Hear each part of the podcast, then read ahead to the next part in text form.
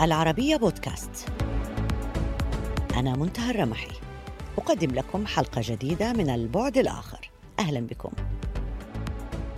استغرقت أجهزة العدالة التركية عامين كاملين للقبض على المشتبه بهم الرئيسيين في قضية زواج قصري لفتاة تبلغ من العمر ست سنوات. هؤلاء كانا ضياء جوموسيل وقادر ستوكلي وهما والد الضحية وزوجها المفترض بين قوسين. انكشفت الفضيحة عندما قاضت الطفلة وهي ابنة رئيس منظمة وقف هيانور التعليمية أحد فروع جماعة إسماعيل آغا النافذة في الأوساط السياسية والاجتماعية في تركيا. اتهمت الفتاة والدها بتزويجها عام 2000 عندما كانت طفلة في السادسة من العمر من أحد أصدقاء والدها وكان يبلغ وقتها 29 عاماً. وما كان للوالد والزوج أن يعتقلا لولا الصحفي الاستقصائي تيمور سويكان الذي نجح في نشر الأدلة على موقع بيرغون. وكشف الصحفي كيف أن عائلة الطفلة نجحت في التغطية على تقرير طبي عام 2012 يؤكد صحة تصريحات الفتاة وأيضا بنشر صور الفتاة وهي في السادسة من العمر في ثياب العروس. وقاد زعيم المعارضة كمال قلجدار أوغلو مظاهرة أمام وزارة العدل متهما إياها بالخضوع لضغوط أو لضغوط من تظهر الصور حضورهم حفل الزفاف في إشارة إلى أعضاء بارزين في جماعة إسماعيل آغا.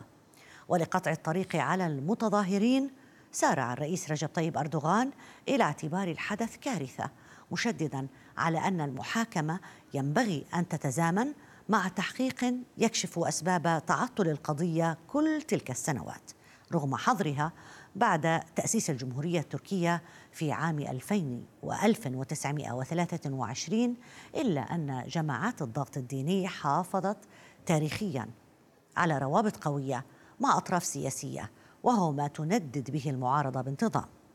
بل إن الرئيس رجب طيب أردوغان نفسه لا يخفي صلاته ببعضهم ففي يونيو عام 2022 حضر شخصيا جنازة محمود أوستا عثمان أوغلو زعيم جماعة الإسماعيلية. اسمحوا لي أن أرحب للحديث في هذا الموضوع بضيفي من تركيا أستاذ العلوم السياسية في جامعة سابانجي في إسطنبول بروفيسور بيركيسن. أهلا بك معنا. Thank you. شكرا جزيلا لاستضافتي أهلا بك معنا ولابدا معك بالحديث عن جماعات الدينية لو تعطينا فكرة عن وجودها داخل الأروقة السياسية التركية هل هي ملحوظة؟ هل هي ما زالت قادرة على توصيل أفكارها ولها نفوذ؟ أعتقد بأن لديهم نفوذ uh, سياسي قوي جدا في السياق التركي والجماعات الدينية في الحقيقة استمتعت بنفوذ قوي في تركيا. آه، على الأرجح منذ uh, خمسينات القرن الماضي ولكنهم آه، آه، كسبوا هذا النفوذ الكبير تحت حكم الحزب العدالة والتنمية التركي والذي تولى السلطة منذ عام 2002 فعبر العقدين الماضيين الجماعات الدينية المختلفة. وسعت نفوذها ضمن المجتمع التركي وكذلك ضمن القضاء والجيش والبيروقراطية التركية وهذا يعود أيضا لحقيقة أن حزب العدالة والتنمية هو في الحقيقة دخل في علاقة مصالح مشتركة مع هذه الجماعات. فالحزب يجند المرشحين السياسيين ويحصل على الدعم الكبير لمنظماته في المحافظات المختلفة و حتى الموظفون يأتون من هذه الجماعات الدينية ويقدمون تبرعات كثيرة. هل هل العدالة والتنمية هو الحزب الوحيد المستفيد عمليا آه، من سياسة الربح المتبادل مع هذه الجمعيات أم أن هناك أطراف أخرى داخل تركيا؟ لا شك بأن أحزاب أخرى استفادت من هذه الجماعات الدينية ولكن آه، بات جليا بأن حزب العدالة والتنمية هو المستفيد الرئيسي لأنه الحزب الذي يتولى السلطة وهو الذي يسيطر على الموارد العامة. ولهذا السبب في العديد من الجماعات الدينية من مصلحتها أن تدعم الحزب الحاكم و حتى الحزب أيضا يكسب الكثير من الفوائد لأنهم يقوم بإعادة توزيع الموارد والذي يحصل في أعلى مستويات البيروقراطية في تركيا فالقوانين أو المنظمات الدينية لا تريد أن تفقد نفوذها لا الاقتصادي ولا حتى وصولها ونفاذها إلى القوى السياسية. لكننا نتحدث عن نفوذ لهذه الجماعات حتى بعد أن أعلن عملية حظرها من من عام 1923 حتى الآن، يعني ما السبب في بقائها صلبة داخل المجتمع التركي؟ في الحقيقة لا تزال محظورة على الورق وهذه السياسة الرسمية لم تتغير. ولكن بعد انتقال آه، تركيا إلى الحكم الأحزاب المتعددة في خمسة القرن الماضي شهدنا بروز ما يسمى بال التناقض أو خاصة في مناطق مختلفة المناطق النائية والمحافظات غير النامية. وهنالك حتى رجال الدين الذين يقدمون الدعم لهذه المنظمات وينضمون إليها. ولهذا السبب وبشكل خاص فإن أحزاب الجناح اليمين والذين يحافظون على أجندة واضحة. يحاولون أن يعطوا الأفضلية لهذه الجماعات الدينية وخاصة إذا ما كانت هنالك حكومة آه، جناح يميني وخاصة منذ خمسينات القرن الماضي وعبر سبعين عاما الماضية أغلب الحكومات كانت يمينية في هذه البلاد. وبشكل أساسي فأن الجماعات الدينية كان هنالك تسامح معها.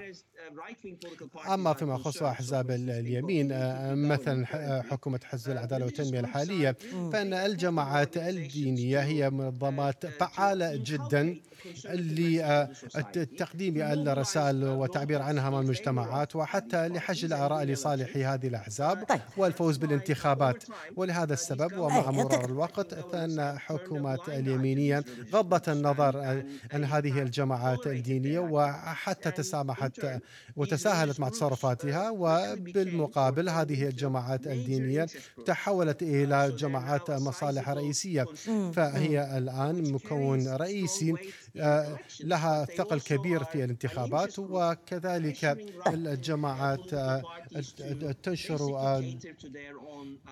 آه، رأي الأحزاب اليمينية حسب أجنداتها السياسية. قدمنا في بداية هذه الحلقة لعنوان عريض لفكرة نقاش الجماعات الدينية وتغلغلها داخل المجتمعات وهي قصة تلك الفتاة التي رفعت قضية على والدها رئيس منظمة وقف هيا نور لتزويجها وهي عمرها ست سنوات هل هذه القصص تتكرر في تركيا؟ ماذا تعرف عنها؟ إلى أي مدى يمكن أن تكون هذه النوعية من القصص محفزة ل إعادة النظر في في في فكرة وجود الجماعات الدينية بهذه الطريقة داخل داخل المجتمع التركي. مع مرور السنوات حصلت حوادث مشابهة خاصة في الإعلام العلماني وقد نشرت قصص مشابهة في الماضي ولكن هذه قصة مريعة جدا بشكل خاص لأن هنالك امرأة عند زواجها كانت فتاة أو طفلة صغيرة أرغمت على الزواج من رجل عمره 29 عاما. كما قلت عمرها عندما تزوج كان عمرها ست سنوات فهي قصة قصة مقرفة آه، آه، حول اغتصاب واستمر لسنوات طويلة آه، تحت رقابة الجماعات الدينية في هذه البلاد وبقبول وموافقة والد هذه الفتاة وهو عضو بارز في هذه الجماعة الدينية. فبالتأكيد القصة مروعة جدا ولهذا عندما انتشر الخبر فقد ولد ردة فعل كبيرة جدا ليس فقط فقط بين العلمانيين وحتى بين الجماعات الدينية المعينة وحتى داخل حزب العدالة والتنمية ولهذا السبب فهي قصة حتى تعتبر سياسية آه، للاستفادة منها آه، بسبب بعض حالات الظلم التي تقوم بها هذه الجماعات الدينية إلى أي مدى ممكن أن نقول بأن المجتمع العلماني في تركيا تراجع في السنوات الأخيرة؟ على حساب هذه الجماعات. لا شك بأن العلمانية هي um, مبدأ من الدستور ولا يزال موجودا على الورقة وقد انتهك بشكل كبير جدا تحت حكم حزب العدالة والتنمية. الحكومة على سبيل المثال تستخدم وزارة الشؤون الدينية بشكل فعال لشن الحملات نيابة عن أجندتها السياسية الحكومة تستخدم الموارد العامة التقرب والاستفادة من الجماعات الدينية فالمنهاج التعليمي الحالي يعد برموز وأفكار دينية كبيرة وقوية ولدينا حكومة أعضاؤها كلهم أصلهم من خلفية دينية أو إسلامية ولهذا السبب يحاولون استخدام سلطة الدولة لتحويل المجتمع تحت ضوء الدين. ومثلا المسلمون السنة في هذه البلاد تفضلهم الحكومة بشكل إيجابي فلا شك هذا انتهاك لمبدأ العلمانية للنظام السياسي التركي واعتقد بأن هذه مسألة مقلقة جدا ولكن في الختام النظام السياسي التركي إلى الآن بشكل عام علماني وحتى النظام القانوني بشكل عام وكذلك صحيح. البيروقراطية أتحدث عن النظام الاجتماعي. أنا في, في, في هذه النقطة. لكن هل لتصاعد تأثير جماعة إسماعيل آغا تحديدا علاقة بالحملة التي شنت على جماعة فتح الله جولن بعد في ضوء محاولة الانقلاب اللي صارت عام 2016 Um, uh, أعتقد بأنها مرتبطة جزئيا لأنه بعد عمليات القمع على أتباع جولن والذي كان لديهم حضور كبير في الجيش والقضاء البيروقراطية الروسية الكثير من المسؤولين من أتباع جولن آه، تم التخلص uh, منهم. ولذلك فبعد عملية التطهير الحزب بدأ يستبدل هذه المناصب بأعضاء من جماعات دينية مثلا جماعات إسماعيل آغا وهنالك أيضا حديث عن جماعات دينية أخرى آه، التي آه، برزت في تركيا المعاصرة. فهي عملية مستمرة. بدأت مع تولي الحزب الحالي للسلطة ولكن بعد التطهير والتخلص من أتباع جولن فجماعات أخرى بدأت تبرز ضمن بيروقراطية الدولة. وما ناقشناه اليوم هو إحدى نتائج ذلك. لو تشرح لنا سبب نفوذ بعض الجماعات داخل أجهزة الدولة تحديدا. خلينا نبدأ أول بجماعة سليماني أو سليمينار آه، كما, كما تسمى في وزارة الداخلية. هل لك فكرة عن آه، آه، لديك فكرة عن نفوذها داخل هذه هذا الجهاز؟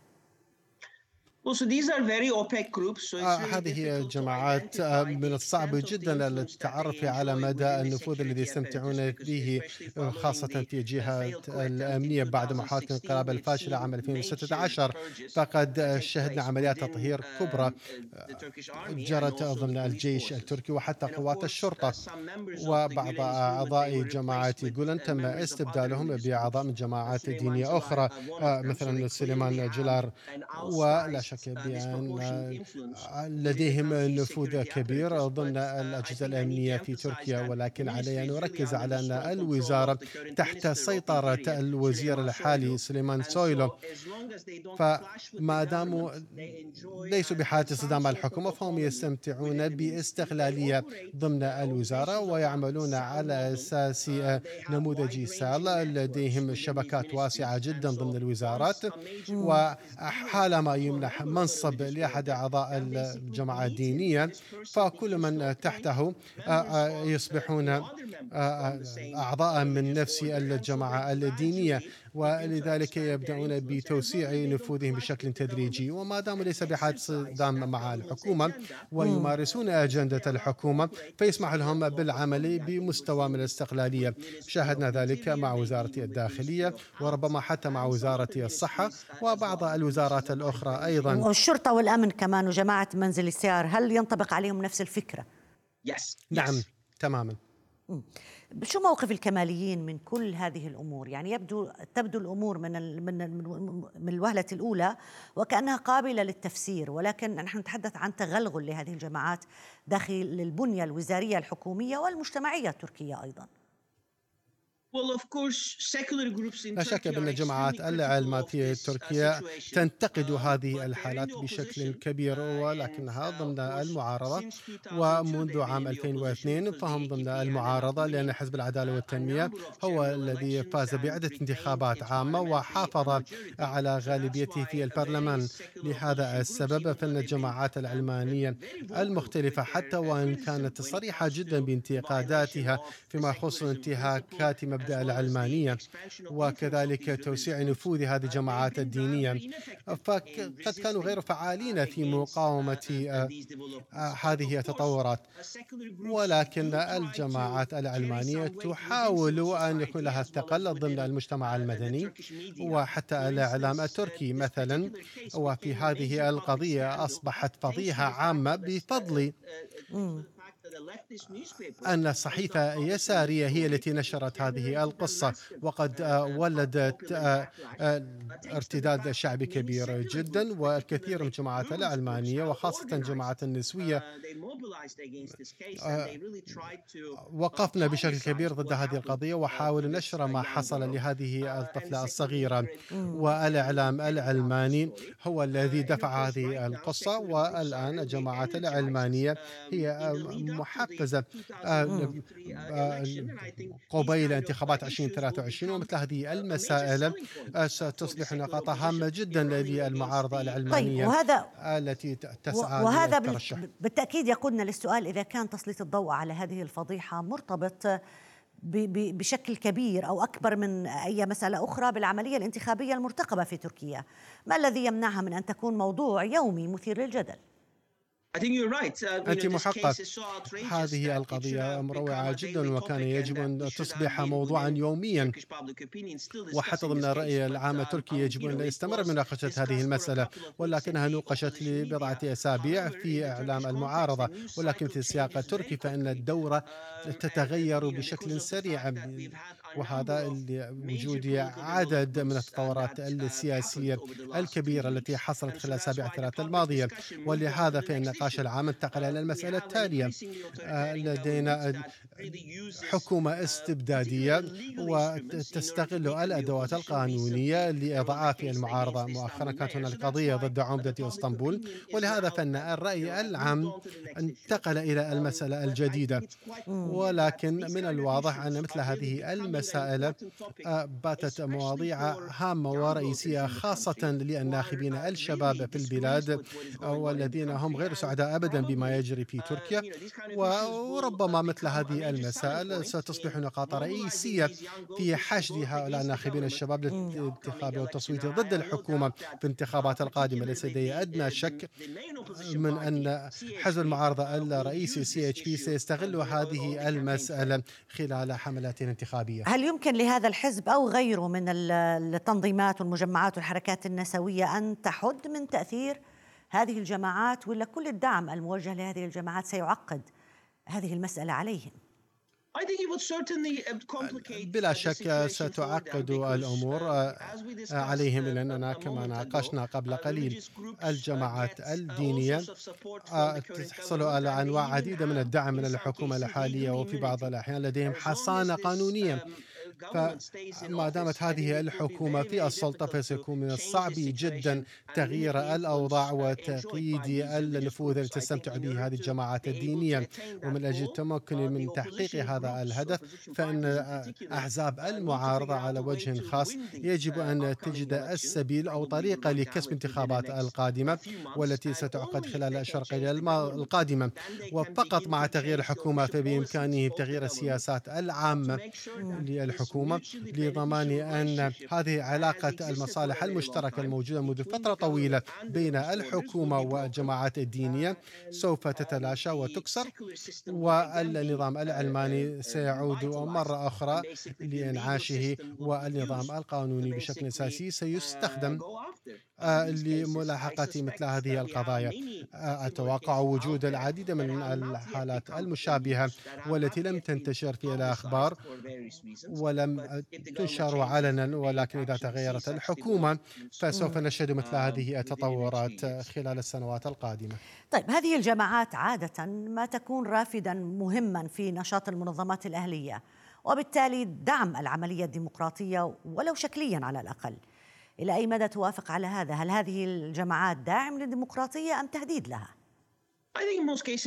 أعتقد في أغلب الأحيان هم يمثلون تهديدا للديمقراطية حيث أن العديد من هذه الجماعات الدينية لا تعترف بالجانب العلماني للنظام السياسي التركي ولا يتفقون على مبدأ المساواة بين المواطنين الاتراك بغض النظر عن خلفياتهم الدينية وبسبب علاقاتهم الوطيدة مع الحزب الحاكم فلديهم الحصانة. فالعديد من هذه الجماعات الدينية مع مرور السنوات تحولت إلى جماعات واجه فيها الأفراد ضغوطا شديده حقيقة أن هذه الطفلة آه، يمكن أن تزوج برجل عمره 29 عاما من دون أي عواقب. فأعتقد بأن هذا مؤشر واضح وكبير على ذلك. فهم غير مضطرين ولكن في السياق التركي فهم يمثلون تهديدا لتأسيس النظام الديمقراطي الليبرالي. طيب، في الحقيقة رأينا تنديد من الرئيس رجب طيب أردوغان بجريمة تزويج هذه الفتاة القاصر كيف يمكن تقييم موقف الرئيس؟ هل بمناسبة الانتخابات ما الذي يمكن أن نتوقع منها في منه في مثل هكذا حالات؟ Um, uh, نعم آه، هذه الإدانة بشكل مفاجئ آه، جاءت من الرئيس أردوغان وبعد هذه الإدانة فأن الإعلام آه، الداعم للحكومة لم يصدقوا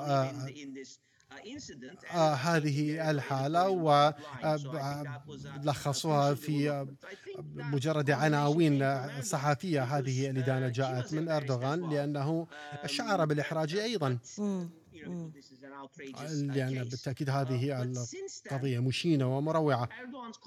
ولكن إدانة أردوغان لم تكن بالضرورة متبعة بأي عمل حقيقي من قبل الحكومة. فعلينا أن ننتظر لنرى ما سيحصل في هذه القضية بالتحديد لا أتوقع من أردوغان أن يتصرف في وجه مثل هذه القضايا ولا على الأقل لحد الانتخابات القادمة لأنه بحاجة ماسة إلى الدعم السياسي طيب لهذه الجماعات الدينية. بالضبط. بالحديث عن الانتخابات القادمة هل يمكن أن نشهد فيها أي نوع من التغيير؟ هل يمكن أن يكون فيها أي مفاجآت؟ ما الذي نتوقعه من هذه الانتخابات؟ uh, uh, أعتقد um, بأننا نتوقع سباقا محتدما uh, فالأحزاب السياسية شكلت تحالفا ويبدو أنهم متقدمون على أردوغان وأعتقد بأن هذه أصعب انتخابات سيواجهها أردوغان إلى الآن آه، منذ توليه السلطة في عام 2002 ولكن أحزاب المعارضة إلى الآن لم تقدم مرشحيها وإذا ما اكتشفوا الطريقة لترشيح مرشح له شعبية بإمكانه الوقوف أو ترشح ضد أردوغان فربما يخسر حزب العدالة والتنمية الانتخابات القادمة ويحصل تغيير في الحكومة. ولكن بالتأكيد ستكون معركة محتدمة لأن أردوغان لا يزال سياسي كاريزماتي وهو في السلطة منذ عشرين عاما. وتركيا وأصبحت نظامها أصبح استبداديا مع بدون أي فرصة لانتخابات حرة وعادلة. فأعتقد بأن السباق سيكون محتدما. بروفيسور بيرك أيسن أستاذ العلوم السياسية في جامعة سابانجي بإسطنبول. شكرا جزيلا لك على المشاركة معنا. إلى هنا انتهت حلقة اليوم من البعد الآخر. يمكنكم دائما متابعتنا على مواقع التواصل الاجتماعي تويتر فيسبوك ويوتيوب. إلى اللقاء.